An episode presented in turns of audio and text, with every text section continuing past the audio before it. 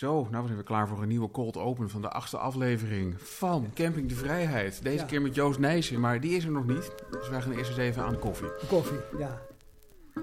Dit is Camping de Vrijheid, de poëziepodcast van Ingmar Heitse en John Jansen van Galen. De koffie komt van de Faroe-eilanden. Dat is op zich wel iets nieuws. Mijn vrouw is daar naartoe geweest. En de Faroe-eilanden staan op zich niet bekend om hun eh, eh, koffieplantages. Maar het is wel een trots volk. Want staan een- helemaal niet erg bekend. Nee, nee, het is een, het is een eilandengroep tussen, tussen Engeland en IJsland in. Ja. Eh, en het, wat, wat ik van de foto's zag, is dat het een soort wadden zijn, maar dan met heel veel rossen en, en een stuk groter. Eh, en heel veel schapen. Dus het- Schapen natuurlijk. ja, erg veel schapen. En, en, en, Vandaar en- al die wol die hier nu ligt uitgestald. In, in de, in de eh, oorspronkelijke kleuren van, van deze schapen. Ze schijnen per jaar ook een andere kleur te krijgen. Het is allemaal nogal eh, mysterieus. Maar ja, er wordt zo koffie verkocht. En, eh, maar ja, waar die dan vandaan komt, Het zijn vaak moderne trucs. Hè? Zo heeft Curaçao een hele tijd rijst uitgevoerd. Maar dat betekent die rijst kwam uit Suriname, Guyana en die werd daar dan in andere zakken gedaan. En dan konden Ja. ze het invoeren in de Europese Unie, omdat het van binnen de Europese Unie kwam, begrijp je? En dat, eh, en dat was dan rijst uit Curaçao. Maar je kent Curaçao misschien, dat is zo dor als wat, daar groeit geen rijst. Nee, maar dat is eigenlijk een soort witwasactie. Voor Ja, witwa ja, witwas. ook. Maar, maar dat mocht gewoon, of in elk geval Eh, gebeurde. Kok. Kok had er zelf voor gezorgd in de tijd. Premier Kok. Het gedicht van de maand. John, wat heb je bij je? Nou, ik kreeg eh, gisteren een bericht van Piet Pierijns. Dat is nou iemand op wie ik wel eens jaloers ben geweest. Want die mocht elk jaar eh, de Nacht van de Poëzie presenteren. Zwierig en op zijn Vlaams. En dat, dat had ik ook wel eens gewild. Maar het was altijd maar Piet Pierijns. En die stuurde Ja. nu eh, op, op Facebook een bericht dat het... eh 25 jaar geleden was dat eh, Herman de Koning overleed. Tja, En hij eh, meldde dat hij toen gebeld had met eh Rutger Kopland, Rudy van de Hoofdakker. Want die was vakant, op vakantie in Griekenland. En om hem dat te melden, ze waren drie vrienden. Ja. Piet Pirijns en Kopland en Herman de Koning. En om, om hem dit bericht over te brengen... Kopland kon helaas niet meer op tijd zijn voor de, voor de begrafenis vanaf dat Griekse eiland. Maar toen, een paar dagen later, belde hij Pirijns opnieuw op, nog voor de begrafenis. Bijna niet verstaanbaar, vanuit een lawaaierige Griekse taverne. Met op de achtergrond eh, ontzettend veel eh, herrie. En dan dicteert hij met leestekens en enjambementen en witregels dit gedicht met het verzoek om dat namens hem voor te lezen op de uitvaart. En eh, zo is het ook gegaan. En dat gedicht luidt Kaart van een Grieks eiland. Herman, ik had je nog een kaart willen schrijven, zo'n lullige aanzicht, voorzien van een grap over, nou ja, je weet wel waarover. Maar ik hoorde dat je al dood was voor ik een grap had gevonden. Ik leef nog, ons gesprek is niet af, maar ik leef deze laatste dagen gebogen over woorden die ik doorstreep, weer opschrijf. Waar hadden we het over? Waar waren we gebleven? Zonder de dood te verwachten schrijf je geen poëzie. Daar waren we het hartroerend over eens. Poëzie was geluk. Het geluk om een paar woorden te vinden die even bij elkaar wilden horen, voor de dood ons kwam halen. Een grap, een zorgvuldig verzwegen grap om de dood. Deze doorstrepen en weer opschrijven, zo was poëzie. Ik zal je dus nooit meer zien. Ik leef deze laatste dagen gebogen, voor dat alles, voor dat verlegen lichaam, dat weemoedige hoofd waarmee je sprak, voor dat alles levend wordt begraven. Ik bedoel, ik leef gebogen over die kaart, je weet wel, zo'n veel te blauwe zee, zo'n veel te blauwe hemel, happy days in Greece. mooi. Ja. Mijn gedicht van de maand is van een dichter die nog leeft en die niet zo heel lang geleden eh 80 jaar is geworden, Frans Kuipers. En Oh eh, Frans Kuipers zit een verhaaltje aan vast. Namelijk, dat is nou typisch zo'n dichter die eigenlijk een beetje in de luwte opereerde. Totdat hij eh, met één publicatie eh, vrij breed onder de aandacht kwam. Namelijk De Dikke Komrij. Stond opeens vol eh, in 2004 met maar liefst negen gedichten. En volgens mij stond hij er toen voor, voor het eerst in. Dat is zeg maar uit het niets met stip En eh, ja, alleen eh, Hugo Claus, Leo Vrooman en Remco Kampert, dat, dat Ja, kaliber, ja. heeft, heeft er tien. Maar de rest moet het doen met één of twee. Ja, of ja. in, eh, dus, eh, in mijn geval zes, kan ik met, met Trots zeggen. trots zeggen. En dat is natuurlijk ook wel- Proficiat. ja, dank je. Dat is natuurlijk ook wel erg. Dus eh, dichters zijn natuurlijk hele kleine mensen met lange tenen. Hè. Er is natuurlijk veel, Die veel rivaliteit altijd geweest. allemaal zitten tellen. Sta je erin om te beginnen? Hoe vaak? En vervolgens hoe vaak? En, en ook nog... En, hoe vaak zijn al die andere kennissen erin? Liefst minder dan ik. En je vijanden, precies. Ja. Dat is, is, is, een, is, een, is een bekende eh, eh, cartoon ook van, van Peter van Straten. Dat is een, heel verongelijkte man op zo'n bank zitten. Een beetje, beetje bezorgde vrouw erbij. En daar staat dan onder, ja precies. En uitgerekend die lul staat wel in de komrij. En goed, Frans Kuipers dus, met negen gedichten in 2004 opgedoken in de komrij. En eh, ja, opeens... eh, ja, was, was, het, was, was het duidelijk wat een geweldige dichter dat is. En dat is eh, op zich best schaamtevol, want hij had toen een aantal fantastische bundels al gemaakt. En er is alleen maar mee doorgegaan in een hoog tempo. Het is een fantastische dichter. En eh, ik denk dat dit het eerste gedicht is wat ik van hem las. En het is nog steeds een van mijn grote favorieten. Het heet Kwallen. Kwallen. Deze vliegende schotels van de zee. Over bleke koraalsteden zwevend, wuivende jungles wier. Onderwater parachutisten. Zusters van de champignon. Slakken zonder huis. De zee is hun huis. Door getijdenstromen voortgedreven. De maan is hun motor. Op het strand liggend voor snot. Wachtend op de volgende vloed. Kwallen. Dichters zijn kwallen. Al dus Ja. Frans Kuipers. Ja. En zo is het ook. Mooi. Dus shout-out naar Frans Kuipers. Van harte gefeliciteerd met je 80ste verjaardag. Ja, ja. Er is ook een liever eh amicorum uitgekomen. eh, v- Heb je daaraan bijgedragen? Eh, ja, daar heb ik aan bijgedragen. Ja, vele anderen en ik. Maar ik heb het boek zelf nog niet gezien, want het lukte me niet om naar de presentatie te komen. Met, met jonglerend, met kinderen en, en, en hoestende toestanden. Dus, En woont hij ver weg of zo? ik, Kuiper, geen idee waar die woont eigenlijk. ik, heb, ik, heb, ik heb hem één keer ontmoet bij Boekhandel Bijleveld. Een hele leuke man. Dus echt Ja. heel, Ja, ja, hele, vrij pratende, sprekende, mooi voorlezende eh, de- dichter ook. Ik vond, ik vond hem helemaal te gek. Hij, was eigenlijk, eh, dat is gevaarlijk om te zeggen, maar hij was precies zoals ik dacht dat hij zou zijn. ja. Toen ik die, eh, voor, voor, Waarom is dat gevaarlijk om te zeggen? Nou ja, omdat je, omdat je dan van alles gaat invullen. En dat, en dat, en dat Oh. kan helemaal verkeerd uitpakken. Ik, ik, ik herinner me ook dat ik dacht dat Cor Gales, de, stem der VPRO, dat dat een enorme boom van een man zou zijn. Die in, een, in een enorme dure auto rondriep, omdat hij het altijd had over zijn bolide. En dan zie je toch een soort schildpadachtig mannetje in een soort. DAF. En dan denk je, oh ja. wel eh, altijd wel de puntjes gekleed, hè? En, als heer. Ja. In dat milieu was dat eh, vrij eh, uitzonderlijk, kan ik je melden. Ik heb daar nou, twintig jaar gewerkt. Ja. Veelal ook met Cor. Ja, Maar hij hield die stijl van meneer en keurige colbertjes en eh, jasje, dasje. Dat hield hij aan, vond ik ook wel. eh hield zich, want hij voelde zich ontzettend gekwaffeerd dat, Ja. dat hij die, die jongens erbij was gehaald door Peter Flik. ja. Om, eh, om, om een soort spreekstalmeester te worden. En dat heeft hij heeft zijn laatste jaren zeer opgevrolijkt. Ja, hij heeft, het ook echt met verven gedaan Ja. natuurlijk. Maar hij had ook steeds over die jongens en meisjes van de, van de VPRO. Dat, dat, dat werd hem ook in de mond gelegd natuurlijk. Ik kwam er later ook achter dat natuurlijk heel veel van die, van die stukken werden geschreven door Ischa Meijer of Rogier Proper misschien ook wel. Ja.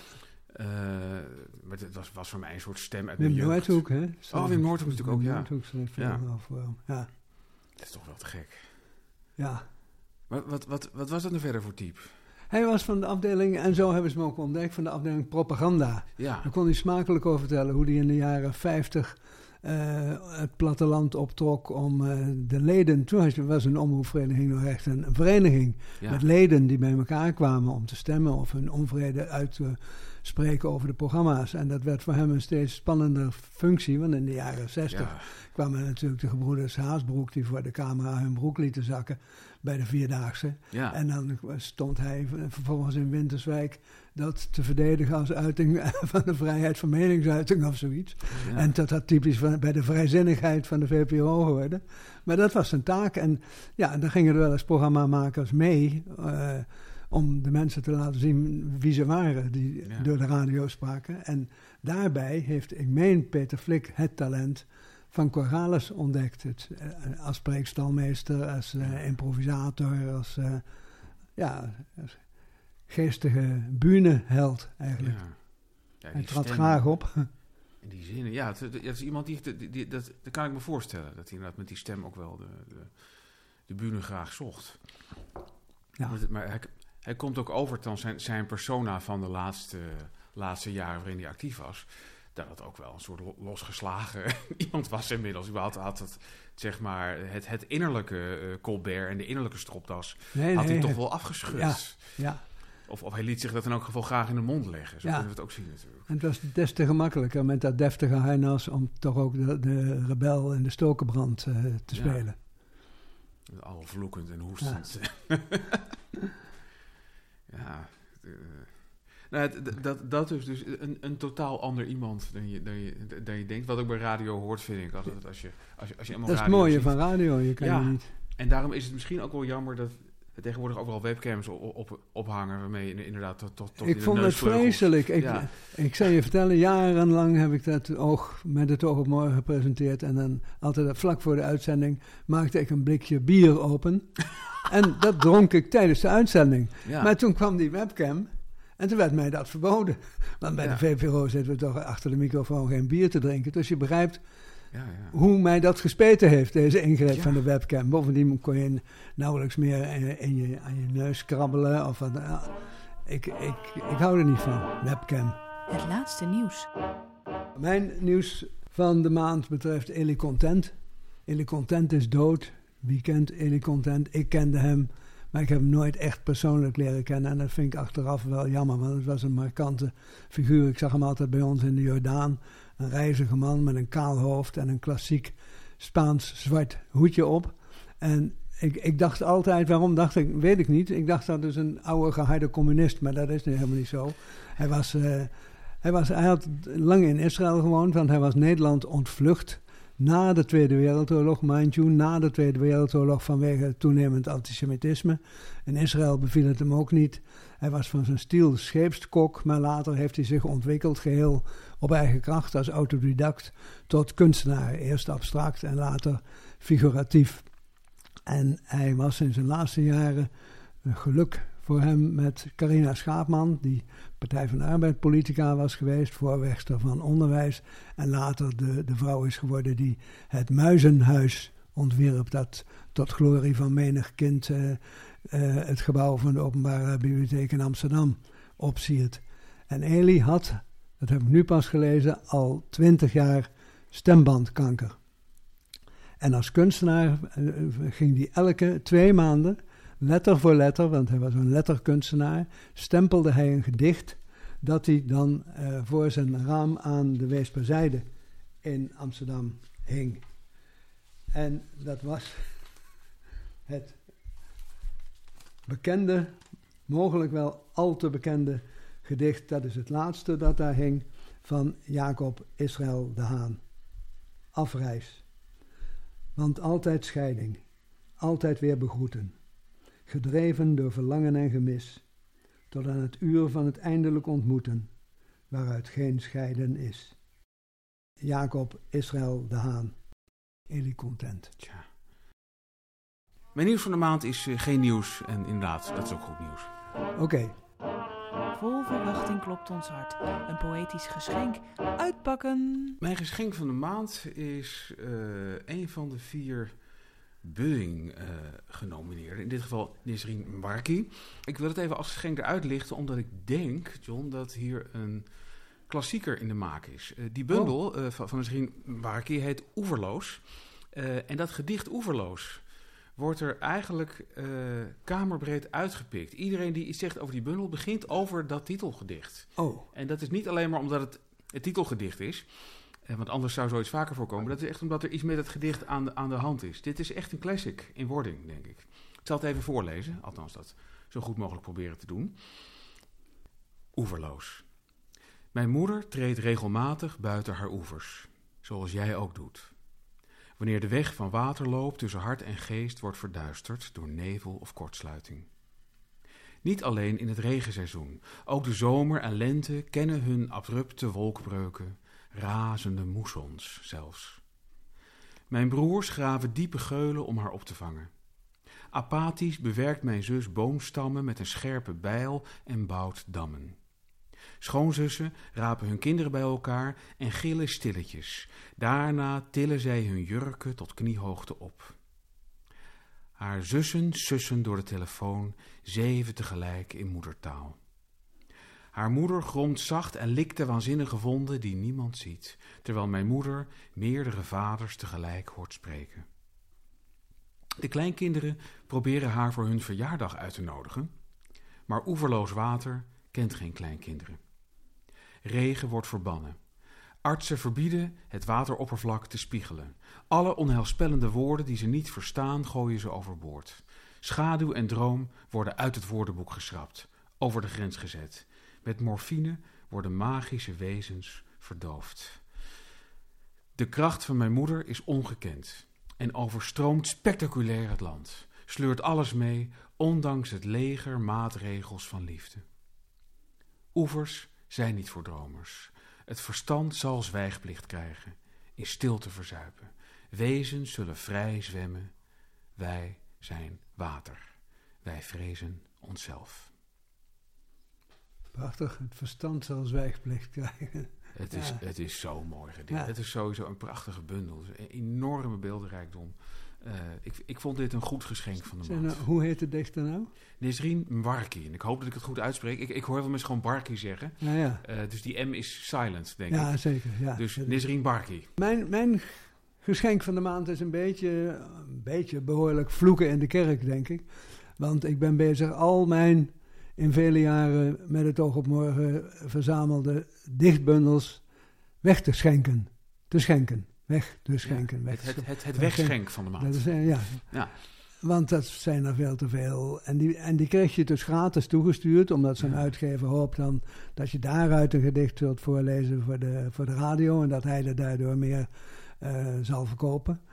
Maar de meeste werden mij dus toegezonden zonder enig resultaat. En ook niet in die zin een resultaat dat ik die bundels nou vaker dan één keer opsloeg of ging lezen. En dat bestand Ja. groeide en groeide maar, mijn Maar- kamer niet. Over, over, hoeveel kuub hebben we het? We hebben het over, denk ik, een 250 à 300 bundels. Zo. En dan heb ik al drie, eh, vier vrienden op bezoek gehad die wat mochten uitzoeken. En die deinzen dan terug voor die enorme hoeveelheid. En die gaan de deur uit weer met een stuk of 15 à 20. Je begrijpt, Ja. dat schiet niet op. Nee. Dus ik wou hier eigenlijk eh, aankondigen dat wie... Kunnen ze communiceren met, met, met Camping de Ja, Vrijheid? natuurlijk kan, kan, er- kan er worden gecommuniceerd met Camping de Vrijheid. Ja. Eh, Dat ze dan reageren. En maar de voorwaarde is, wie komt, die moet ze ook allemaal meenemen. Ik bedoel, we gaan niet meer zoals die vorige vrienden, die gingen grasduinen. En daar heb ik zo nog een verhaal Ja. bij. Eh, Maar ik wil nu... ik heb ook al, al een deel weggebracht naar de voedselbank. En daar zei die mevrouw van de voedselbank, dat is heel goed, want gestudeerde mensen zijn ook vaak arm. Ik dacht dat ze zou gaan zeggen, poëzie kun je niet eten. Maar Nee, ze hebben bijna in elke kringloopwinkel waar ik veel kom, want het is een passie van mijn verloofde, hebben ze wel een plankje literatuur, maar ook wel eens een plankje poëzie. nou ja, Maar goed, meld u aan. Als u, eh, dan, eh, dan reageer ik. wij, wij, zetten mijn, het mailadres mijn erbij opgeven? Ja, ja als, je, als, je, als je dat aandurft. Ja, John JG, dames en heren, Mhm. zes letters. John JG, at wxs.nl. Schrijft u even mee. Ja. WXS is een hele oude provider van KPN, maar ik heb hem nog steeds. johnjg.wxs.nl. Maar wat ik er nog bij wou vertellen, ik heb die allereerste vriend die kwam, heb ik een vreselijke fout gemaakt. Die hield op een gegeven moment een boekje omhoog en zei die, wil je dit ook wegdoen? En toen zag ik eens, en toen dacht ik, nee, dat wil ik helemaal niet wegdoen. Dat is Menno Wigman, dat ga ik toch niet wegdoen. Maar bij het verzamelen van al die, had ik een fout gemaakt, slordig, had ik het erbij ge, bijgelegd. Maar ik had het hart niet om tegen die vriend te zeggen, nee, dat mag je niet hebben. Dus ik heb tegen die vriend gezegd, ja, neem maar mee. En toen vond hij er dus nog één. Ja. Dat heeft mij genoopt daarom het, de verzamelde gedichten van Menno Wigman nog eens gaten en nog eens te kopen. Ja, dat, dat had je toch moeten doen natuurlijk. Ja. Dus wat dat betreft. Ik had een stuk of vier bundels, en hebben nu nog twee en hij heeft er ook twee. En daarom eindig ik dit maar even met een gedicht uit die verzamelde gedichten, want dat vind ik heel mooi. Het is een avond die zichzelf omhelst. Zo vreedzaam hangt het donker in de straat. Het licht was goed vandaag. En nu ik mild en traag het vuur in mijn Havana jaag, krijgt alles weer de kleuren die ik wil. Veel blauw, veel oker ook. De tijd staat stil. Ik zit, ik denk, ik droom. En uit mijn rook verschijnt haast moeiteloos een meisjeshoofd. Haar blik belooft iets moois. Ze lacht. Ze lijkt op Isabella. Heeft iets van Anna ook. Het is een avond die zichzelf omhelst. Er is geen tijd, alleen Havana-rook. Ik heb ook lang sigaren gerookt, dus dat spreekt me extra aan. Heel lang. Aan Nico Scheepmaker wordt, wordt toegeschreven een, een, een, een sigarenreclamezin. Uh, want vrouwen zijn altijd maar vrouwen. maar sigaren die smaken naar meer. dus dat kun jij beamen. Ja. Uh, ik ben opgehouden sigaren te roken en toen zei mijn verloofde dat een half jaar later kon je het in het trappenhuis nog, ru uh, nog ruiken. Daar hing die rook nog. Uh, eigenlijk stop je nooit echt met sigaren roken, hè, wat dat betreft. nou ja, we zijn verhuisd, dat scheelt wel. Dat Daarna. Ja. Meld u nu aan voor die prachtige verzameling recente Nederlandstalige poëzie. Bij mij in enkele honderden exemplaren. Meld u aan. johnjg.wxs.nl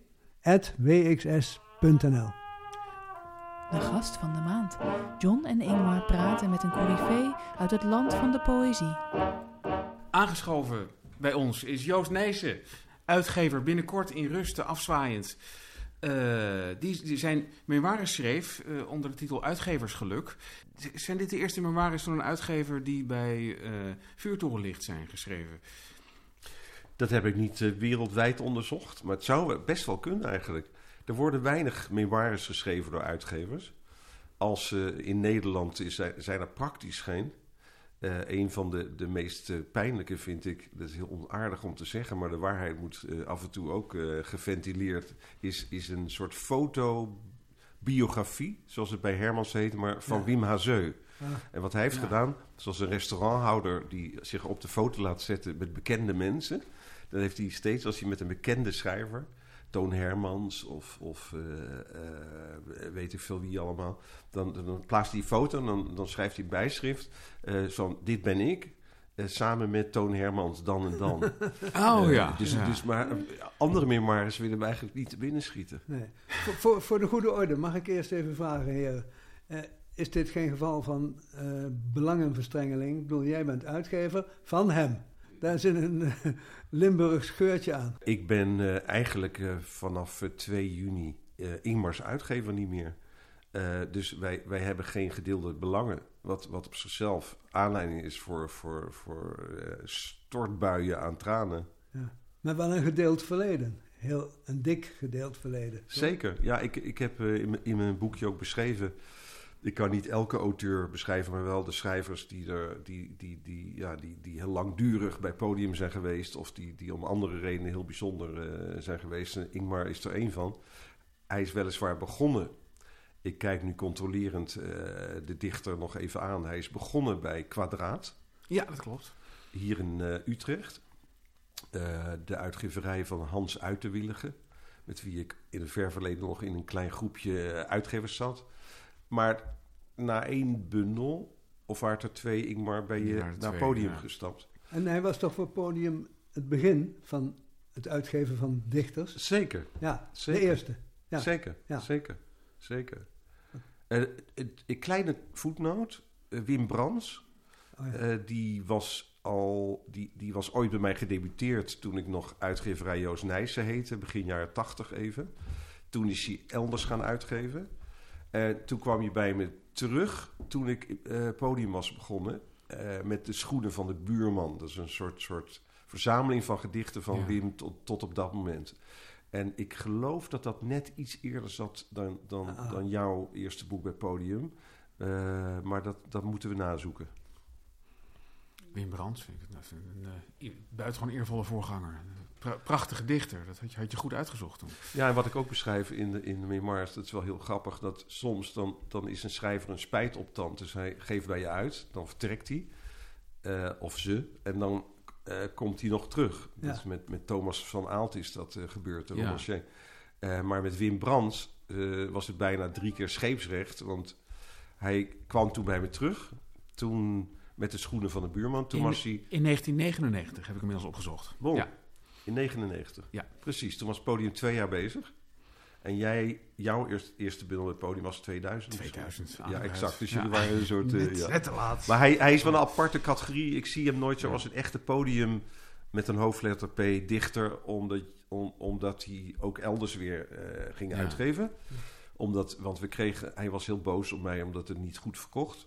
En toen heeft hij gezegd: Joost, Hmm. kijk, Wim was een, een zeer bijzondere man. En ik denk dat we hem missen, maar het was ook, ook een eigenzinnige man. En niet altijd heel erg eh, inlevend eh, in anderen.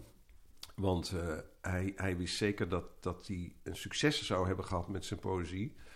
als ik het, mijn werk beter had gedaan. Ja, en ik weet niet of dat wel het geval was. En toen zei hij: Oké, ik heb het nu bedacht. Ik weet hoe je poëzie tot een groot succes kunt maken. Eh, eh, we gaan met de hele voorraad. We gaan wat studenten, die ga jij inhuren. Moest ik allemaal doen natuurlijk en betalen. En dan gaan we huis aan huis. Ga je zeggen: Dit is een geweldige gedichtenbundel. En dat eh, kunt u hebben voor, dat was nog net de gulden tijd, dat kunt u hebben voor een gulden. Dan moet je zien hoe snel je door je voorraad heen Ja, bent, Ja, zei ja. hij. Zei, ja. Zo kan ik het ook. Zo kan ik het ook. De- Sterker nog, het is zelfs de vraag, want jullie zijn de specialisten met poëzie.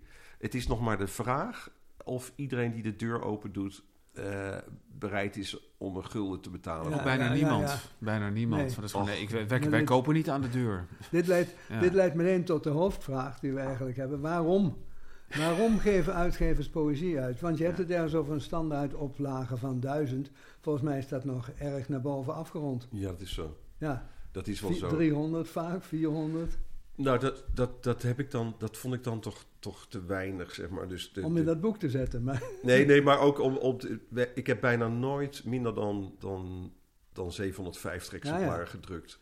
Wat niet wil zeggen dat ze altijd verkocht zijn. Nee. Maar dat, dat was me eer ook bijna te na of iets dergelijks. En bovendien, eh, eh, dat weet je, weten jullie natuurlijk ook, maar 750 bundels drukken geeft een factuur die niet heel veel eh, duurder uitpakt dan, Nee. dan, dan 375. Nee. Want die kostprijs die, die, die stijgt met, met het exemplaar dat je minder drukt. ik heb Maar- een keer een rondvraag gehouden. Heb ik jou geloof ik ook nog opgebeld. Voor het, in het kader van een poëzierubriek op de radio. Waarom doen jullie het? Poëzie uitgeven. En daar sprongen twee antwoorden voor mij eruit. Sommigen zeiden, nou, we hebben altijd, we halen graag dichters binnen. In de hoop dat ze zich gaan ontwikkelen tot romanschrijver. ja. Eh, dat was de eerste. En de tweede, die vond ik veel interessanter nog. Die, mensen zeiden in het algemeen... Het personeel van de uitgeverij stelt het op prijs. Het draagt bij aan de prestige en de uitstraling van de uitgeverij... dat er ook een afdeling poëzie is. Interessant. Kun je deze beide Ja, beamen? de, de, de mensen, het is natuurlijk een beetje ook wie je zelf bent. Want eh, aan, eh, op basis daarvan kies je je mensen ook weer uit. En, eh, eh, bij het podium was natuurlijk een, relatief kleine uitgeverij. Maar daar hebben altijd mensen gewerkt die, die wel echt van literatuur houden. En eh, daar hoort poëzie eh, bij als het goed is. Ja. Niet iedereen zat nou thuis s'avonds poëzie te lezen. Maar er is wel tegen wat jij zegt, dat is interessant. Maar ik, ik gaf het eigenlijk uit om dat, dat eh, beschrijf ik ook in, in, in dat uitgeversgeluk. Dat, dat is me pas heel onlangs eigenlijk eh, geworden, ge, gewaar geworden, hoe heet dat? Dat ehm, wereldwijd belangrijke literaire uitgeverijen helemaal geen poëzie Nee, dat uitgeven. las ik. En dat, ja, en dat is, ja. dat is ook echt Dat is staafbaar. een Nederlandse Dat- dat- traditie. Dat elke uitgever Ja. eigenlijk een poëziehoekje... ja, en dat is interessant. hè, Daar zou iemand op kunnen promoveren, wij spreken. Maar het is, een- het is misschien vergelijkbaar. Dit land is ook beter, zegt men altijd, in, in documentaires dan in speelfilms. En, en we zijn ook in poëzie zijn we, zijn we wel een sterk land, denk ik. En de uitgevers die hebben gewoon gedacht vanaf de beweging van 80, een beetje. Vanaf, vanaf Van Dijssel en, en Gorter en Van Ede. Van ja, dat, dat, is, dat moet je wel door je pap eh, roeren gewoon. Dat Ja, hoort er ja. gewoon bij. Het heeft een enorm prestige ook. Het is, het is voor je visitekaartjes. Niet, Ja, het is je visitekaartje niet eruit. Maar, maar of het nou Mai Spijkers is van Prometheus... of, of eh, vroeger Geert Lubbehuizen van de Bezige Bijen... of eh Fik van der Rijt bij, bij, toen bij Neigen van Diet. Maar iedereen doet poëzie. Ja. Eh, alleen de een doet weer andere poëzie dan de ander. Ik noemde nu eh Fik van der Rijt, met wie ik een tijdje samenwerk. Die was natuurlijk eh, gespecialiseerd in light verse. Light verse, ja. Dr. En. Ja, en de poëzie bij Querido bijvoorbeeld, waar, waar, waar toen, wij toen met Neigen Verdiend maar bij hoorden in, in die single 262. eh, Oh ja. Ja.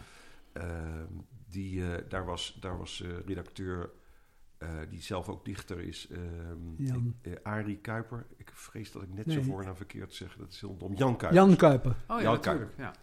En dat was een soort, soort eh, neo-gereformeerde eh, dichter die, die poëzie echt wel als religie eh, Ja. zag. Ik overdrijf schromelijk, hè, Ja. want de, de ironie kan je niet eh, luisteren.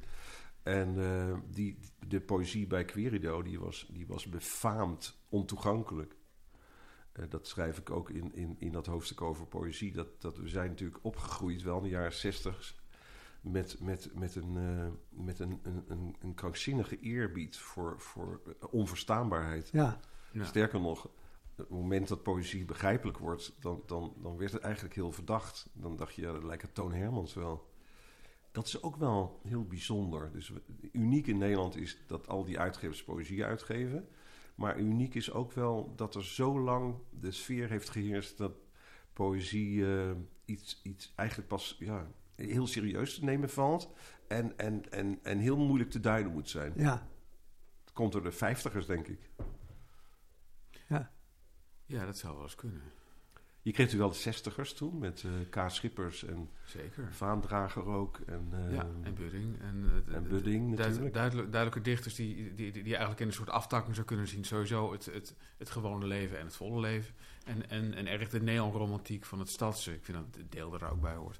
Dus dat, dat, dat het ook het, het, het, het bewust eh, beton, asfaltachtige landschap. Ja, je hebt gelijk, dan geldt Hans Favrij toch meer als een echte dichter, Ja. omdat het zo moeilijk Hans te doorgronden Ja. is. Ja, en Gerrit Kouwenaar. Ja, Ik was wel altijd zelf een groot liefhebber van eh Loetjebert. Mhm. Eh, zoals je het eh, van zijn dochter Maya, die met mij bevriend is, uit moet spreken. Eh, die natuurlijk ook heel moeilijk te vatten is in, in betekenis. Maar die zo krankzinnig muzikaal is en, Ja. en, en, en woordrijk. Dat heb ik altijd wel heel erg mooi gevonden. En daar heb ik me ook altijd bij neergelegd. Ik ga ook nu niet zoeken naar de betekenis van een onbegrijpelijk bijvoeglijk naamwoord in regel eh, 17. Eh, gewoon eh, tot je nemen. ja, ja, Prachtig. dat lijkt me een nuttige omgang met poëzie. Ja, Dus het, het, is, het, is, het, is heel naïef om te denken dat, dat je alle poëzie met dezelfde leeshouding te lijf zou moeten kunnen. Ja. dat bestaat helemaal niet. maar het is misschien wel de tijdgeest. Ik heb net in de jury gezeten van de grote poëzieprijs. En daarbij was ook die nagelaten bundel van Lutjebert, die is vorig jaar uitgekomen. En die heeft dus niet eens de longlist gehaald. nee, krankzinnig. Ja, zou vroeger krankzinnig zijn gevonden, maar nu Ja. was er een soort van unanimiteit van... Ja, hier kunnen we niet mee uit de voeten, zou ik maar ja zeggen. dat is... Dat is dat, eh, ja, hij, heeft, hij heeft natuurlijk sowieso knauw gehad vanwege zijn, Zeker. zijn, zijn faux Ja. pas in de oorlog. Ja, En, eh, maar Ingmar inderdaad als, als eerste echte dichter bij Podium. Eh, ik, ik, ik beschrijf dat ik poëzie eigenlijk helemaal niet wilde uitgeven. Omdat het wel waar is, wat, wat John net zei. Op zichzelf kost het je natuurlijk geld. ja. Ja. Eh, zo zei jij niet, maar zo Nee. maak ik het even af. Eh, en als je dan net een uitgeverij begint met, met heel weinig geld op de bank, dan, dan, dan moet je de grootste risico's vermijden. Eh, dus ik dacht steeds, ik geef geen poëzie uit, tenzij het zich meteen aan me geeft. Dat ik denk, ja, dit, dit, is, te, dit is te goed, dit is te leuk, dit is te indrukwekkend, Ja. dit is te ontroerend, dat gaan we gewoon doen, klaar. En dat was met Ingmar. Dus dat, hier zit nu wel wat belangenverstrengeling aan En, tafel. met, en ik met wie was het daarna nog meer? Nou, daarna kwamen eh, een paar hele eh, eh, goede dichteressen. Eerst Hagar Peters. tot ze mij eh verruilde voor Robert Ammelaan bij de Bezige Bij. Ah, ja. En, en, en in dat gat, want haar debuut was zeer succesvol... en ook, ook verbonden met haar optredens, die waren zeer Ja, ja. succesvol... kwam toen Tjitske Jansen... Mhm. Die, eh, die ook zomaar uit de hemel viel. Nee, we hebben eerlijk gezegd gewoon... Onze redactie heeft haar op tijd gevonden eigenlijk. ja. En, ehm, en haar, eh, haar, haar eerste bundel, eh, Het moest nog maar eens sneeuwen. sneeuwen. Maar eens gaan sneeuwen, ja. Het moest maar eens gaan sneeuwen. Dat, eh, ik, ik heb hier nou een boek uit mijn kast getrokken. Dat is de twaalfde druk, maar het is inmiddels al de twintigste geloof ik. Ja. Eh, dus dus ik heb ook, ik, ja, het klinkt zo ik, ik, ik, maar ik, ik heb ook wel geld verdiend met eh, Ah, ja. Ikmar zit in een hele mooie categorie dichters waarvan je er altijd wel een paar duizend verkoopt, wat echt veel Ja, is. ja. En eh, dus Hagar, Tjiske Jansen, Eh, een, een aantal dichters, mannelijke dichters, Alexis de Rode, eh, Ja. Willem Ties, eh Krijn Peter Hesselink eh, Kira. Wuk mag wel... en zeker Kira Wuk. Ja, toch ook, ook, een, ook een ster aan het firmament. Ook Fantastisch. Ja. Zeg, dit is een poëzierubriek. Dus lees even iets voor. Ik, Jij? nu. Ja, Oh, wat je mooi mag vindt. dat? Ja. Oh, wat leuk. Nou, dan hebben we het over Kira. ja. En haar debuut heette Finse Meisjes. Ja, En eh, een leuke ik, bundel. ik trok wat bundels eh, uit de kast vanmorgen en ik vond dit een heel mooi... Zij, zij deelt dat ook wel een beetje met Ingmar, maar die, dat, dat fijne gevoel voor ironie. Dit gedicht gaat over samenwonen. Doe iets nuttigs. Koop een kamerplant. Of beter nog, haal er een van het grof vuil. Zo verlepte uit een groot gezin. Je servies is in vijf jaar tijd gehalveerd. Als je slaapt, steken je benen vanaf je knieën uit het bed. Je verjaardag vieren we op plastic borden. De kamer plakken we met schuimrubber af. Wijn drink je uit de binnenkant van mijn arm. Mooi gedicht, hè? Ja, Ja. te gek. Ja. Eh, ze doen me een beetje aan jou denken, Ingmar, maar ook wel aan, eh, aan Ingrid Jonker. Die, Mhm. eh, van- die slotzin, wijn drink je uit de binnenkant eh, van mijn arm. Moest ik denken aan het gedicht, nu hoor, terwijl ik het voorlees, Ja. van Ingrid Jonker. Ik herhaal je. Ja, ja. Oh, Waarbij ja. Ja. een hand de, de vorm van een, van een vrouwenborst eh, Ja. eh, ja, herhaalt, imiteert eigenlijk. ja. Ehm, mag, mag ik nog Doe er meer nog voorlezen? eentje. Ja? graag. Even kijken hoor, want Is ik noemde al. Ingrid, dus nou moet er iets van, van Ingrid Jonker. Eh, door Gerrit Komrij is dit vertaald. Eh, en dat heeft heel erg bevorderd, denk ik, dat, dat dit door, door zeer velen gelezen is. Dit is ook een, ik denk dat we er 10.000 verkocht hebben in de loop der jaren. Ja, ja. Eh, tot verbijstering van de erven en, en de Londense agent. Oh ja. Ja. En eh, zij, zij is natuurlijk eh, bekend geworden omdat Nelson Mandela bij zijn inauguratie een, eh, dat, dat beroemde gedicht las. Ja. Eh, maar ik heb iets heel anders net gezien. Omdat het ook weer zo mooi... Ik was in een, denk ik, romantische bui vanmorgen. Want ik, ik heb allerlei gedichten die over de liefde gaan... en over zinnelijkheid en lichamelijkheid. Dit gedicht, dit gedicht heet... Ik had gedacht. Ik had gedacht dat ik je kon vergeten... en in de zachte nacht alleen kon slapen. Maar in mijn onschuld heb ik niet geweten... dat ik bij elke windvlaag zou ontwaken dat ik de lichte trilling van je hand weer langs mijn sluimerende hals zou voelen. Ik, die dacht dat het vuur dat in me brandde als de witte sterrenbaan zou zijn afgekoeld. Nu weet ik dat onze levens zijn als een lied waarin de smarttoon van onze scheiding klinkt en waar alle vreugde terugvloeit in verdriet en uiteindelijk in onze eenzaamheid verzinkt.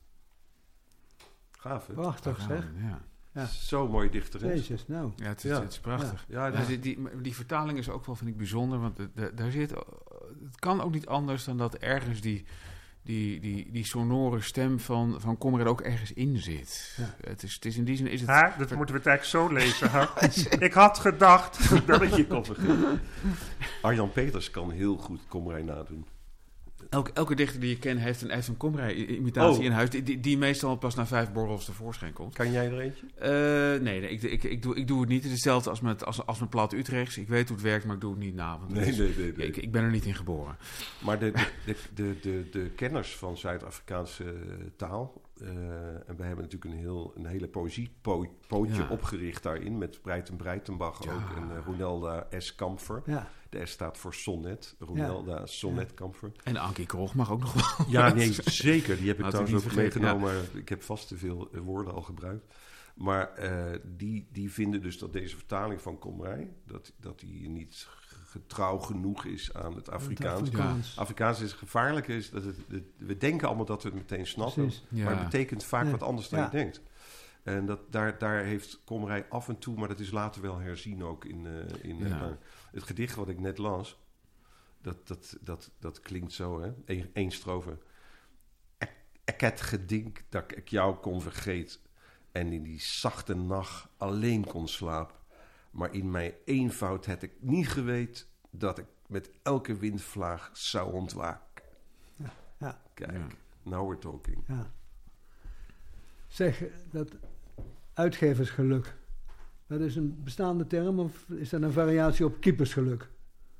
Het is een variatie op keepersgeluk. Ja, In die zin dat ik dat een beetje omcirkel in het boek. Want, want, want keepersgeluk, eh, maar jij bent meer thuis in de sport eh, dan ik. Dat betekent denk ik dat je, dat je echt gewoon mazzel hebt. ja, dat je per ongeluk naar de goede hoek duikt als die penalty genomen ja. wordt. Ja. En, en zoals ik het eh, probeer te omschrijven. En het is heel krankzinnig. Maar later, toen bladerde ik in een lexicon dat ik tien jaar geleden heb geschreven. ABC van literaire uitgeverij. En daar stond eh, een lemma uitgeversgeluk. Oh, Dus het, het Ah. zit in mijn hoofd al heel lang. ja. En daar zeg ik ook al iets over. Het is aan de ene kant het moment, ja, het feit dat je als uitgever moet je gewoon af en toe geluk hebben. En je weet nooit waar, uit welke hoek dat komt. Maar dat kan komen door een bekroning eh, met een prijs. Of door, door bepaalde tendensen in de samenleving waardoor iets opeens eh, in wordt. Bijvoorbeeld eh, Michel Krielaars van NRC, die heeft een boek geschreven eh, over Oekraïne. ja. En dat heeft zijn uitgever Mitsi eh, van de Pluim, van Pluim razendsnel herzien, herdrukt op het moment dat die oorlog uitkwam. Ja, en, ja. en toen ging het. Ja, Ja, weet je, dus dat is ik ook een heb het soort. meteen gekocht toen, ja. Ja? Ja, Dat is natuurlijk wrang om te zeggen geluk als je, als je een oorlog in Ja. je rug hebt, maar goed. Ja. Maar daarnaast ehm, eh, is, het, eh, is het ambigu, de titel door mij bedoeld, eigenlijk eh, om, om nog twee redenen. Eén is, eh, ik wil beschrijven hoe gelukzalig het is om uit te geven. ja. Dat geldt natuurlijk niet elke dag en elk moment. Je hebt ook allerlei tegenvallers, zoals iedereen in zijn leven. Maar eh, het, hoe- waarom dat zo'n prachtig, opwindend, eh, belangwekkend eh, beroep is.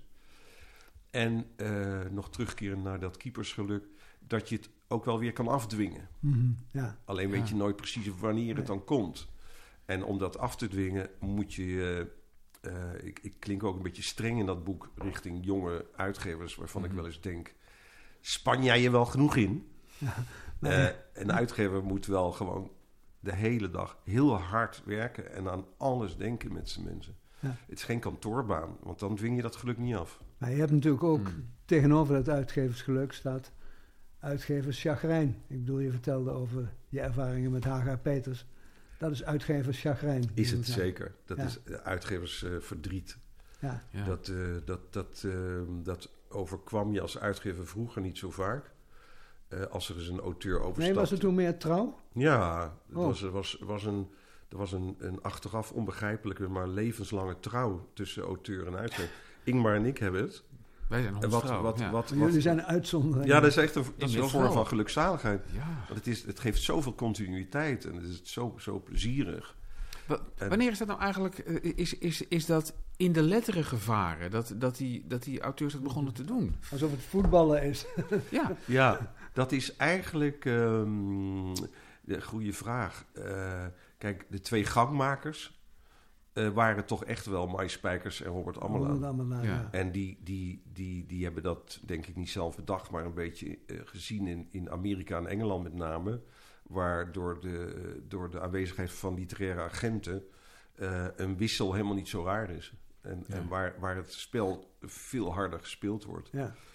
Eh, maar toen Mai ging lunchen met Adrie van der Heijden, die ik goed kende, en mij daarvan verslag deed, dat hij zei: Mai wilde mij gewoon zeggen dat hij naar mij moest komen. En, eh, Ja. en, en toen ik zei, zei Adrie, AFTH, punt, dat ik daartoe niet bereid was, toen heeft hij ook meteen het toetje overgeslagen.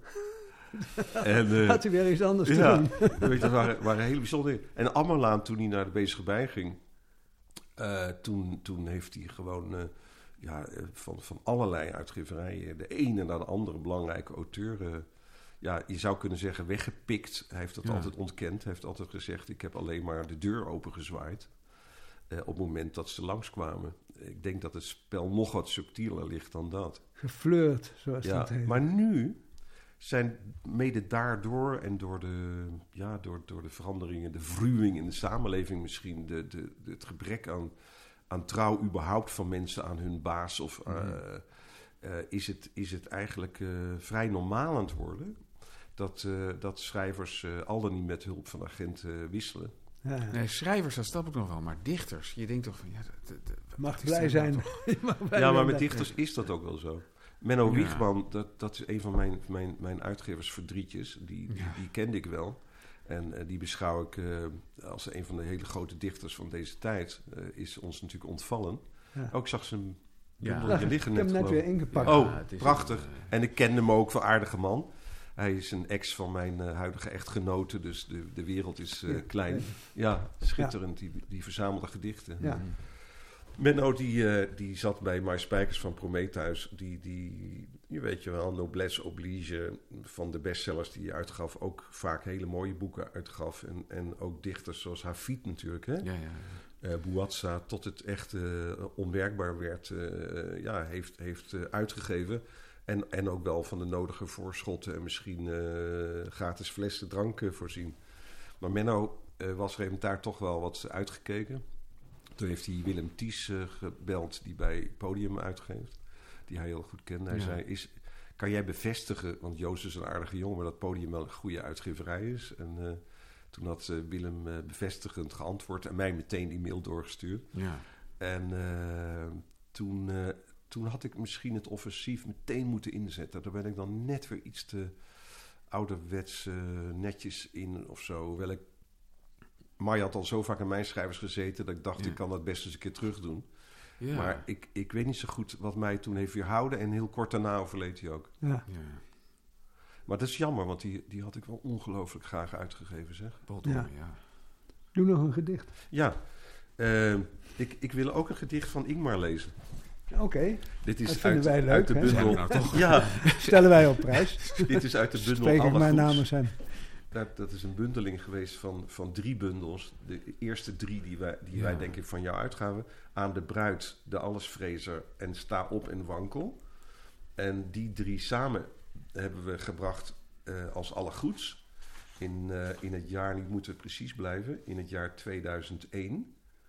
Ik zie nou je motto, Ingmar. Elke gelijkenis met poëzie van anderen, in flarde, echo's of citaten, is louter opzet. Ja.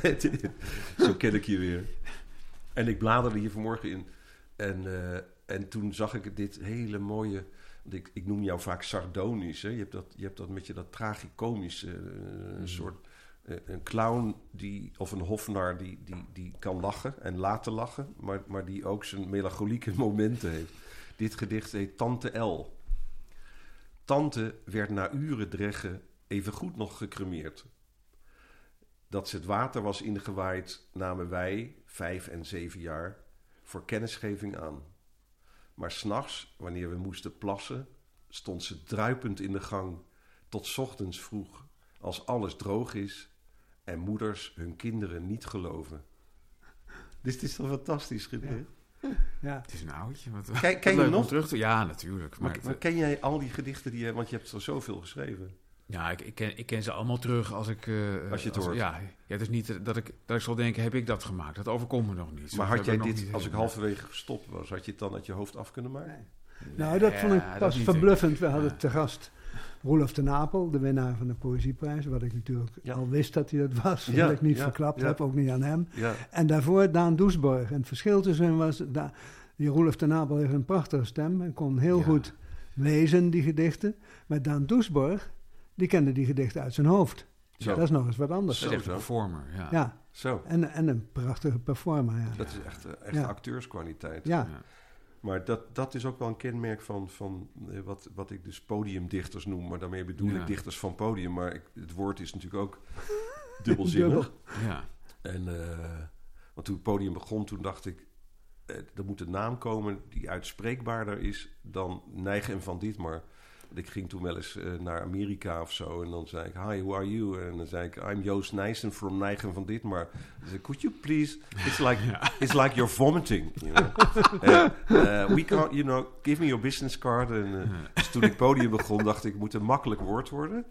En toen ging ik naar mijn toenmalige buurman Remco Kampert in de Jan Luikenstraat. En omdat ik ooit had gehoord dat hij na een prijsvraag van Jacke Groot van de Harmonie, had hij de Harmonie bedacht. Ah, Jacke Groot had, had zijn bevriende mensen, ook Kees van Kooten en zo, die had hij Ja. de vraag gesteld, ja. verzin een leuke naam. En Ja. wie, het, eh, wie de leukste ver- eh, verzint eh, en die het wordt, die krijgt zijn hele leven lang boeken van, die wij uitgeven. Mhm. Dat heeft Remco ook gekregen van Jacke Ja. Groot, want die had de Harmonie bedacht. Ja, ja, ja. Dus ik ging naar hem toe. Ik zei, goh, je, hebt, je bent zo goed in namen. En weet jij nog een naam? En hij kwam er natuurlijk helemaal niet uit eh, op bevel. Ook niet na twee glazen rode wijn. Toen liep ik weer terug naar huis en ik dacht aan Remco.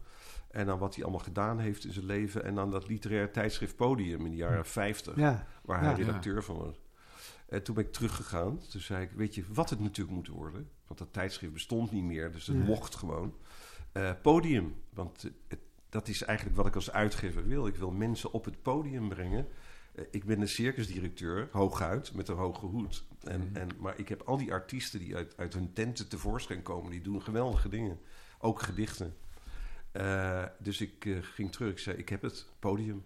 En toen zei Remco, nee, dat moet je echt niet doen. Dat is, dat is zo oudbollig.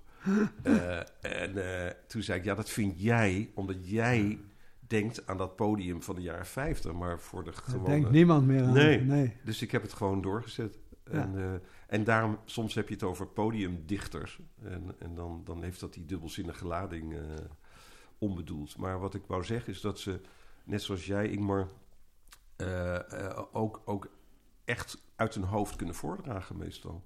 Ja, ja ik, ik, ik dus niet. Het is mij nooit gelukt. Jawel. Maar het- nee, eigenlijk ja, werk van anderen. Ik, ik Oh. ken meer Nou. gedichten van anderen uit mijn hoofd dan van Nou, mezelf. bij mijn, bij Oh. mijn slotuitzending van... Ja, oké. Ergens kan ik uit mijn hoofd. Maar, heb ik je uitgedaagd. en toen met, de, hè, het, eh, de, rolde dat gedicht eruit. Je moest even nadenken. het aardige was dat, dat als je me tien minuten van, van tevoren had gevraagd, had ik nee gezegd. Dus Maar- Maar omdat ik voor de blok zat, moest ik wel. En- en beroemde dat- gedicht over het opgestuurde erwtensoep oh ja. Naar Amerika. Ja. ja. Ik stond, ik stond van de week stond, stond ik met een van die pannen in mijn handen. Want mijn moeder is een beetje aan het opruimen. Ja. Dus ik had een van de pannen met. En ik had heel even de, de, de nepotistische gedachte: moet deze pan niet naar het Letterkundig Museum? Ja. Maar we hebben hem gelukkig gewoon naar de buurvrouw gebracht. Het- Je, je moet niet hangen aan spullen, dat is onzin. Maar dat podiumdicht, daar wil ik nog even op inhaken. Het leuke was, het werd daar ook een geuzennaam. Want podiumdichters was kort daarvoor, door Maarten Doorman-achtige eh, eh, duizend dingen doekjes, was, was het eh, tot een soort scheldwoord. Maar als je podiumdichter was, dat was wel... Nou ja, steuntrekker, kinderlokker.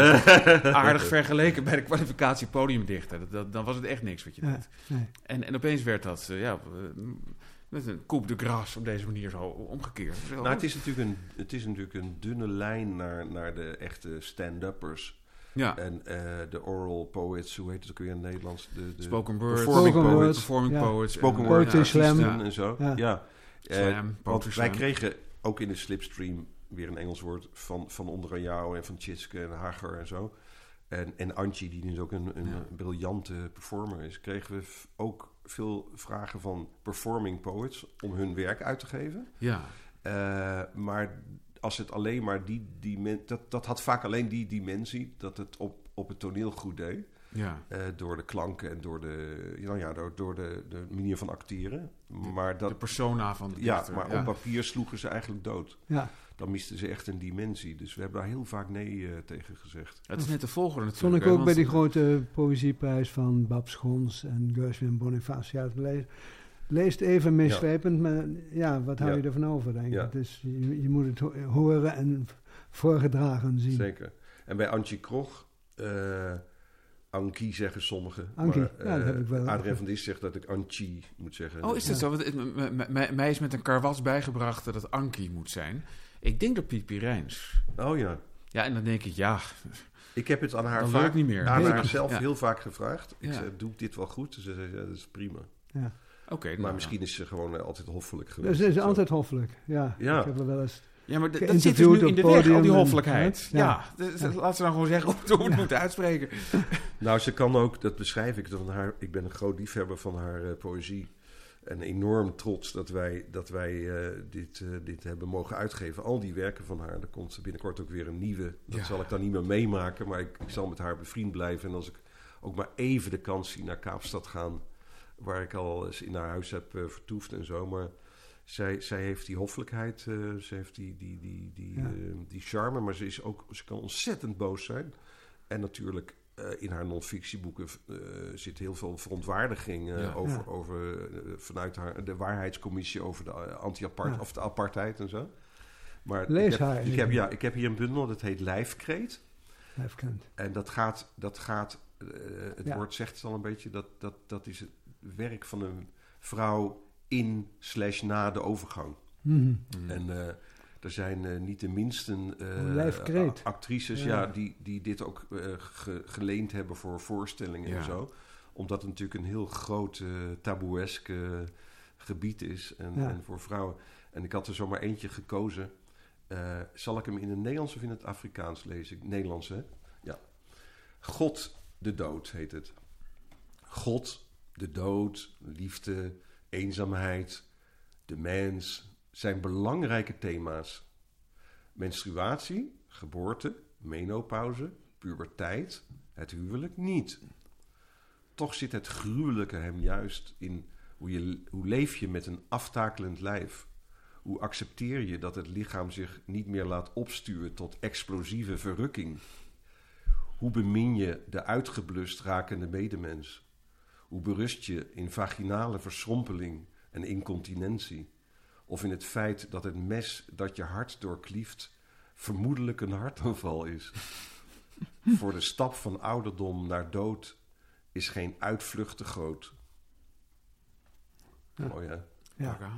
Zijn hè, woedende gedichten Ja. over, over het, het, het, eh, zware lot eh, van, de- dat, dat vrouwen treffen met Ja, de ja, overgang.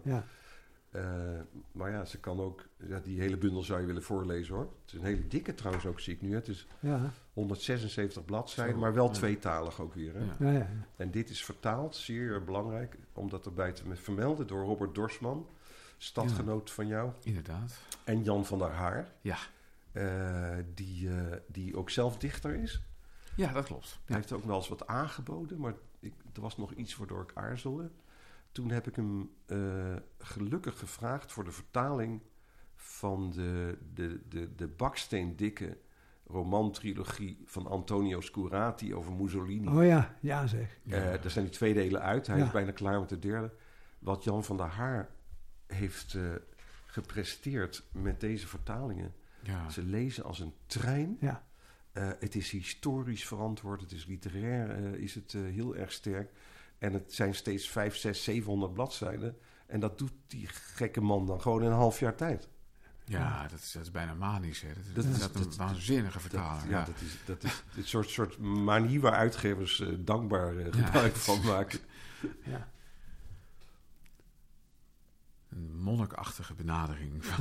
Ja, de laatste Ja. bundel die ik hier op tafel legde was, is ook Afrika. Dat is Breiten Breitenbach. Oh Eh, John Jansen Vergalen hier aan tafel, die, die weet nog hoe hij in de jaren 70, 80 eh, een belangrijke rol speelde. Niet alleen op Poetry International, waar hij een van de vaste gasten was. ja. Eh, toen het nog gerund werd door Martin Mooi. Ja. Eh, hij was een, een auteur van eh, Rob van Gennep, eh, activistisch uitgever, Ja, ja. zeer eh, heeft geïnspireerd. En eh, van Lauwers van Krevelen van Meulen. Oh ja. Oh ja. Die Eh, die, die in, in, in Bloemendaal een rustig leven leidt. Eh, groot kenner van surrealisme ook. eh, Ook, ook zelf surrealistisch dichter. Hij heeft, hij Zeker. heeft, hij heeft een klein oeuvre bij elkaar geschreven. Zeker. Eh, ja, ik, ik, ken, ik ken hem onder andere door de edition Brun Blonde. Waarin een letterproef van de Petronius, de letter die Moesman heeft ontworpen, is uitgekomen.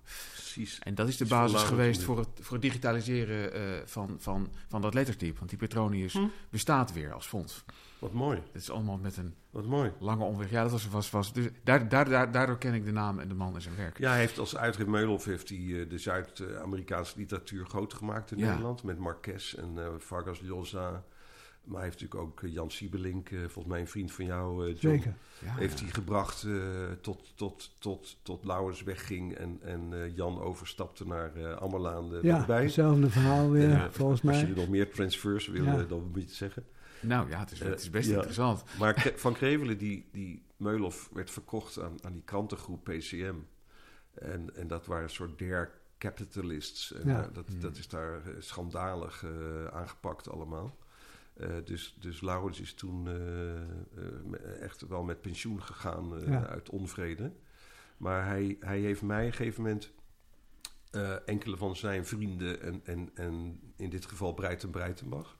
maar ook Etienne van Heerde en zo... eh, Oh ja. heeft hij, Mhm. is hij naar mij Dat is komen een brengen... omdat hij nog romantischer bijna dan ik mezelf zag, eerlijk gezegd. dacht van, dat is nog een... Joost is nog een beetje zoals Van Gennep. Dat zijn zelfstandige uitgevers. Ja, ja. En, eh, en zou jij mijn eh, goede vriend Breiten eens willen ontmoeten en kijken? Ik weet dat, we weten allemaal dat het geen geld oplevert, maar Dus tot, eh, tot op vandaag eh, heb ik hem uit mogen geven. Ja. Hij is ook een van de weinige buitenlandse schrijvers die, die naar het eh, eh, eh, jubileumfeest, afscheidsfeest van Podium eh, reizen vanuit eh, de Pyreneeën. Zo. Ik heb op een gegeven moment eh, een, uit, uit allerlei gedichtenbundels eh, een, een selectie gemaakt, laten maken van liefdesgedichten. Het heet Allerliefste. 25 liefdesgedichten die iedereen gelezen moet hebben. Hm. En, eh, en eentje daarvan mag ik misschien voorlezen. ja, Het heet Ik heb een nachtegaal. De hele lieve, lange, mompelende, lichte winternacht lig je in het verstoppertje van mijn arm. Mijn gouden wijfje met je honinglijfje, dat zoemt als we ons verroeren en... Zo is het goed, dank je, zegt mijn tong als hij vogelt in de vrucht van je mond. Of de bij tussen je lauwe dijen, waar je warme vrouw zijn zich rond. Mijn geliefde die onder mijn vingers zoemt van geurrijpe bongerts. En ik met mijn natte droompjes van vuurpijlen. Ik kan wel huilen omdat het wintert. ja, ja. Geschreven in Edinburgh, Ja. mei 1962. En breit en bouw. En dit is vertaald door Laurens van Krevelen. Ach, juist, Ah. Laurens van Krevel. die, eh, die als dichter eh Laurens van Krevel heet. ja, Krevel met C, R, Ja. ja. En dan van Krevel aan Van- elkaar, zo ja, Vlaams. Ja, ja, ja, ja. Ja, het is, het is eh, een van de mensen die, die, die mij wel door, door breiten eh, aan te reiken voor uitgeversgeluk gezorgd hebben. Ja. Uitgeversgeluk. Nog, nog meer te verhapstukken, collega? Ik pijnig mijn hersens. Ja, wat, eh, wat, wat, wat ga je doen? Je, je hint er wel een beetje naar dat er toch een roman in zit. En dat bl- bloed kruipt waar het niet gaan kan. Hoe- hoe- kun je daar wat over zeggen? Ja, er was een, er was een moment. eh, dat, het, is, het is verschrikkelijk cliché om het zo eh, uit te spreken. Maar ergens twee jaar geleden, toen er van alles in mijn leven ingewikkeld werd, eh, mijn ouders dementerend. ehm, eh, ik heb een nieuw jong gezin. Eh, de uitgeverij draaide even wat minder. Eh, ik heb het toen verkocht aan een uitgeversgroep.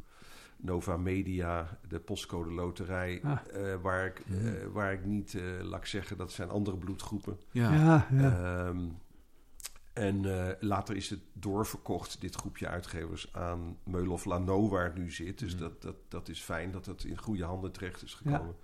Maar er, er waren allemaal momenten waarop je gaat nadenken. En, en ik was de 60 opeens gepasseerd en zo.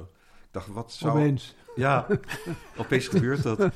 gebeurt er nou. Ja, dat gebeurt ineens. je wordt wakker. En Ja. inmiddels ben Ja. ik, ja, ik durf het bijna niet te zeggen, maar ja, 64 ben ik in. En eh, ik dacht, als ik nou eh, een ongeneeslijke ziekte zou krijgen eh, en mij de vraag zou worden gesteld: is er iets wat je in je leven niet gedaan hebt? Toen dacht ik, ja, er is, is- is maar één ding eh, en dat is toch meer schrijven. Ja. Want ik heb wel geschreven zelf, maar ik vond het niet goed genoeg. Maar Ja. ik weet ook wat ik kan en zo. Dus dat, dat moet gewoon gebeuren. Eh, dus dat, dat is een van de redenen om te stoppen. Eh, dat boek gaat. er, is, er is een hele mooie, eh, beroemde uitgeverij die mij gevraagd heeft om dit te gaan schrijven. Eh, het is ook goed dat je niet bij je eigen uitgeverij eh, uitgeeft. ja. Ja. En de uitgeefster daar, die, die, die, die heeft me echt verleid. Zoals ik zelf waarschijnlijk ook wel dichters en schrijvers heb verleid in mijn leven.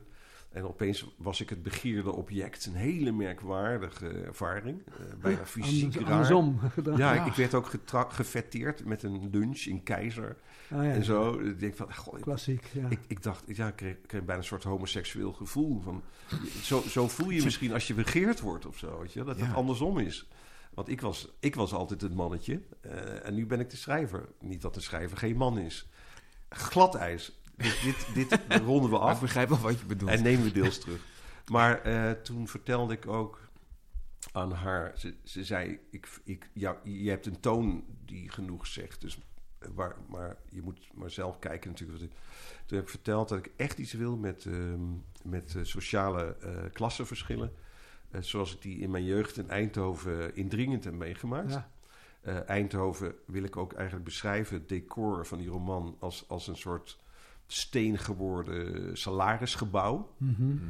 Mijn vader werkte uiteraard bij Philips. ja. En eh, wij, wij woonden ergens in, in een, in een eh, vroege uh, doorzonwoningwijk. gegeven moment kwam er een verhuisauto voorrijden. En ik hoorde mijn vader en moeder bij het raam eh, fluisteren over de nieuwe bewoners. En toen eh, zei mijn vader, dat is toch zeven?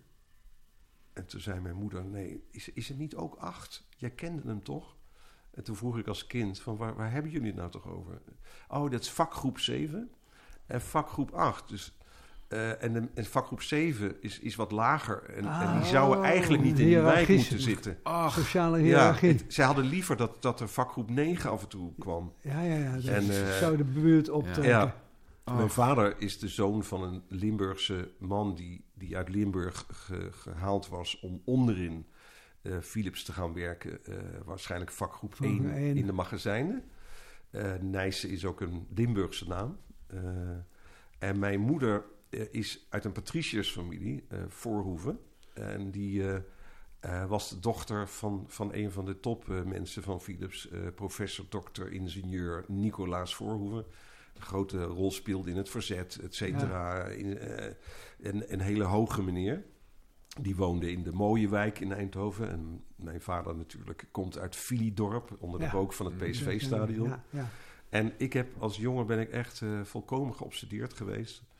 Eh, en gefascineerd door die, door die eh, botsingen eh, in die twee families eh, op een fijnzinnige manier. Dus de verschillen in de verjaardagspartijtjes en in de, en in de manier van kleden en de manier Ja, van ja. praten. En, dus het is, het is me altijd, ik heb vaak gezegd, volgens mij ben ik als uitgever redelijk geslaagd geweest. Dit klinkt eh, zelf ingenomen, maar omdat ik wel eh, mezelf in alle milieus kan ophouden. Ja, ja, Ja. ja. ja, ja. Eh, ik kan echt met mensen van. Ik kan met Sander Schimmelpenning net zo eh, makkelijk praten als met. Nou, laat ik gewoon eens Alex Bogers Ja, noemen uit mijn ook aan, Die, ja. die eh, uit het naamloze gat Vlaardingen komt. Ja. Zoals hij zelf altijd zegt. Echt een self-made man als schrijver. Ja. En, en da- da- dus dat, dat is. En, en eh, die roman. Maar je moet nooit te veel beloven als je, als je nog eh, grotendeels moet beginnen. Maar ik wil iets situeren eind jaren 60 eh, in, in Eindhoven. Eh, waar de wereld ook verandert. Eh, want je hebt, eh, je hebt natuurlijk nog het echte kapitalisme en het op Amerika gerichte Ja. vooruitgangsgeloof. Maar er komt ook al het verzet. eh, de rode jeugd in Eindhoven. Ja, ja. eh, ja. lange haren. eh, waardoor ik ook dacht van ik ga natuurlijk nooit bij Philips werken, want het zijn kapitalisten en zo. Eh, maar dit Een proloog had je toch? In Proloog. Eindhoven. eh, Een actietoneel. een communistische actietoneel, Ja. Ja. Et cetera. Dus wel. Vormingstoneel heet. Maar ik ben ook niet geschikt om de hele dag thuis te zitten. Ik heb grote bewondering voor schrijvers die dat eh, kunnen. Dus ik heb allerlei nevendingen. Ik heb net eh, eh, van Harm Ede Botje eh, de voorzittershamer overgenomen van de Kring bijvoorbeeld. Oh ja. Dus ik word Ah, voorzitter van ja. de Kring. Zo. Kijken of die kunstenaarssociëteit weer wat meer literair eh, kan, worden. Ja. Eh, want de eh Kampert die ik al eerder noemde en, en, en anderen en Jan Kremer die lopen er nog wel rond. Nou, Remco ook niet meer echt. Maar er, en er zijn wel wat, wat veertigers en vijftigers, maar die zitten meer in de kunst of in de wereld van de media. Ja. En ik wil een, eh, een literaire prijs gaan oprichten, Ingmar. Ja, dit is, dit is eigenlijk een koep. Ik moet dat nog met het bestuur bespreken. Maar ik ga denk ik wel echt een literaire prijs eh, oprichten. Die moet gaan heten de Kring eh, Literatuurprijs of zoiets Ja. dergelijks. Ik heb ook al bedacht voor welk genre. Niet voor de poëzie. Hebben wij nog een Dat is primeur? jammer. Ja. Primeur. Ja, je hebt de primeur. Niet voor de poëzie, Maar dat nu is wel jammer. Ja, of we noemen het Nou ja. de niet voor de poëzieprijs. Nee, maar nu ik hier zit, denk ik... Nou ja, ik geef al mijn kaarten open. Er is eigenlijk geen goede debuutprijs meer in Nederland. Je had vroeger de Klopt. Geert-Jan Lubberhuizenprijs en een prijs in Dordrecht. Ja, maar er precies. is geen goede debuutprijs. meer. Dus ik wil eigenlijk een Dat een debuutprijs. uitstekend want je- je- Ja. juist in poëzie is daar prima in voorzien met de budding. Maar Ja. voor proza is dat er eigenlijk Nee, niet. dat is er niet. Nee. nee. Ja. Maar op zich een poëzieprijs zou in de kringen ook niet misstaan... als je weet wat daar aan dichters hebben rondgelopen. Moet Nou het ja, wel de Joost Nijsse prijs heten. nee, ja, dat dacht ik niet. Nee, Zoals je ook de Hans Vervoortprijs hebt gekregen. Oh ja, ja, ja. Nou, Nee, nee. eh, ja. Succes dus. Dank je zeer. Ja. En het was, was een aangenaam over gedichten te praten met jullie. Ja, dat vonden wij ook. Wat geweldig Ja. dat je kon komen. Ja. Ik één troost tot slot. Ik ga schrijven ook, maar geen gedichten. Ah, Kan ik dat op papier krijgen? ja, ja. Nee, dit vind ik wel jammer eigenlijk, eerlijk Ja. gezegd. Het, het ziet je er Nou, ook... ik- dan- ik, heb dan- je dat ook altijd wel zien doen. Nou, ik, dan moet ik je één verhaal vertellen. Ik heb, ik heb op mijn achttiende schreef ik heel erg veel gedichten. Toen had ik op Ah. een gegeven moment een gedicht geschreven. Dat heette Regen. En ik weet nog hoe het begon. Het was geïnspireerd op mijn arme oma. Dus ik had een arme oma en een rijke oma. En mijn arme oma woonde daar in Filidorp. En eh, daarop geïnspireerd waren de beginregels. Daar zit ze, de oude vrouw. Een rieten mandje met aardappels in haar schoot. Traag trekken de regendruppels langs het raam. Deze zin wa- was niet zo, die was beter. Maar weet je wel, zo. Melodie, maar whatever. Toen stond er in Vrij Nederland nog een krant, prachtige grote krant. Ja, eh, zeer veel gelezen. Daar- was een oproep om, om in te zenden poëzie naar een eh, literair tijdschrift in België. En dat heette De Filter. oh, Dat heette het literair tijdschrift Filter. Ja. Komt nu allemaal weer terug. Dit is al Ja. 100 jaar geleden. En ik heb het eh, ingestuurd. Natuurlijk uitgetikt op, op zo'n machine. En, eh, heel goed. en toen, twee maanden later, kreeg ik een briefje eh, uit Gent. dat mijn gedicht bekroond was. Oh, En, en dat het gepubliceerd zou worden. nou, En, en, en of ik het wou komen, naar de uitreiking wou komen. En toen mijn vader, die, die natuurlijk echt een Philipsman was, die had toen net een hele oude Oldsmobile gekocht. Omdat hij daarmee in de middens, middenklassewijk indruk wou maken. Het was wel een tweedehandse, met rood leer, dubieus. Toen reed ik met mijn vader naar Gent. Hij was toch wel trots dat zijn, zijn, een van zijn kinderen misschien een dichter zou worden. En toen was het zonder nog natuurlijk eh, navigatiesystemen niet eenvoudig om, om in, Gent in te de vinden. krochten van Gent dit, dit eh, vochtige onderstuk te vinden. En wij we gingen daar naar binnen, moesten buigen voor de, voor de, voor de, zo laag was het. En daar stonden een paar mannen met grote baarden natuurlijk nog in die tijd. Eh, en letterlijk een stencilmachine. Die hadden dus dit nummer gestenceld. Daar stond mijn gedicht Regen in. En alles wat erin stond werd beschouwd als bekroning. Er waren nog meer dichters. Aha. Die waren opgetrommeld. En, en dat kon je dat voor, ik denk, vijf gulden kopen. Dus ja, dat was eigenlijk... En, het en ik denk echt, verdienmodel eigenlijk. dat is het Ja. verdienen. Maar ik dacht ook zelf, toen ik terugreed... eh, of naast mijn vader terug in de auto... En misschien dat ik als Philips kind ook al op, op geld was ingesteld, een beetje zou kunnen. Maar ik dacht, dit is, geen, dit is een kommervol bestaan. Dat gaan we niet doen.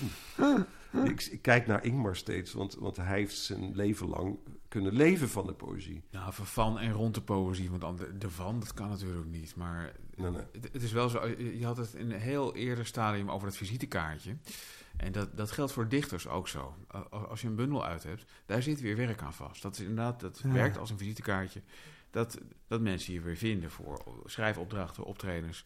Ja. En van die spin-off rondom de kern van die, van die bundels pu- publiceren, eh, daar kan, als je het handig aanpakt, van te leven.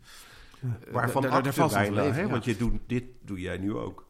Dit is ook een activi- nevenactiviteit. Ja, ja, ja, dat kun je wel. Maar dat, ja, hangt ermee samen natuurlijk. Kijk, Het leven, leven van de poëzie, het is een beetje. eh, Het leven bestaat uit nevenactiviteiten.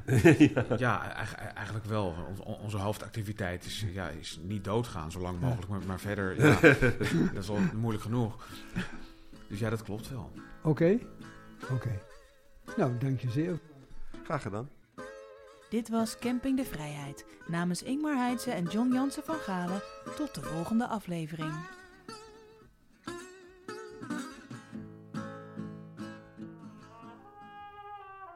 Niet zozeer in den beginnen, maar aan het einde was er het woord. Van Rogier Proper. Opwarming. De opwarming van de melk had nog heel wat voeten in de aarde, schoot me op de fiets naar kantoor te binnen. Het was een zin die me daarna nog even bezig hield. Maar waarom? Opwarmen is iets anders dan verwarmen. Opwarmen doe je iets wat al een beetje warm is, neem ik aan. Toch zeg je niet: kom in mijn armen, dan zal ik je een beetje opwarmen. Ofwel, van iemand die al een beetje warm is? De raadselen zijn de wereld nog niet uit. Opwarming, melk, voeten, aarde. Ga er maar aan staan. Of is het aanstaan?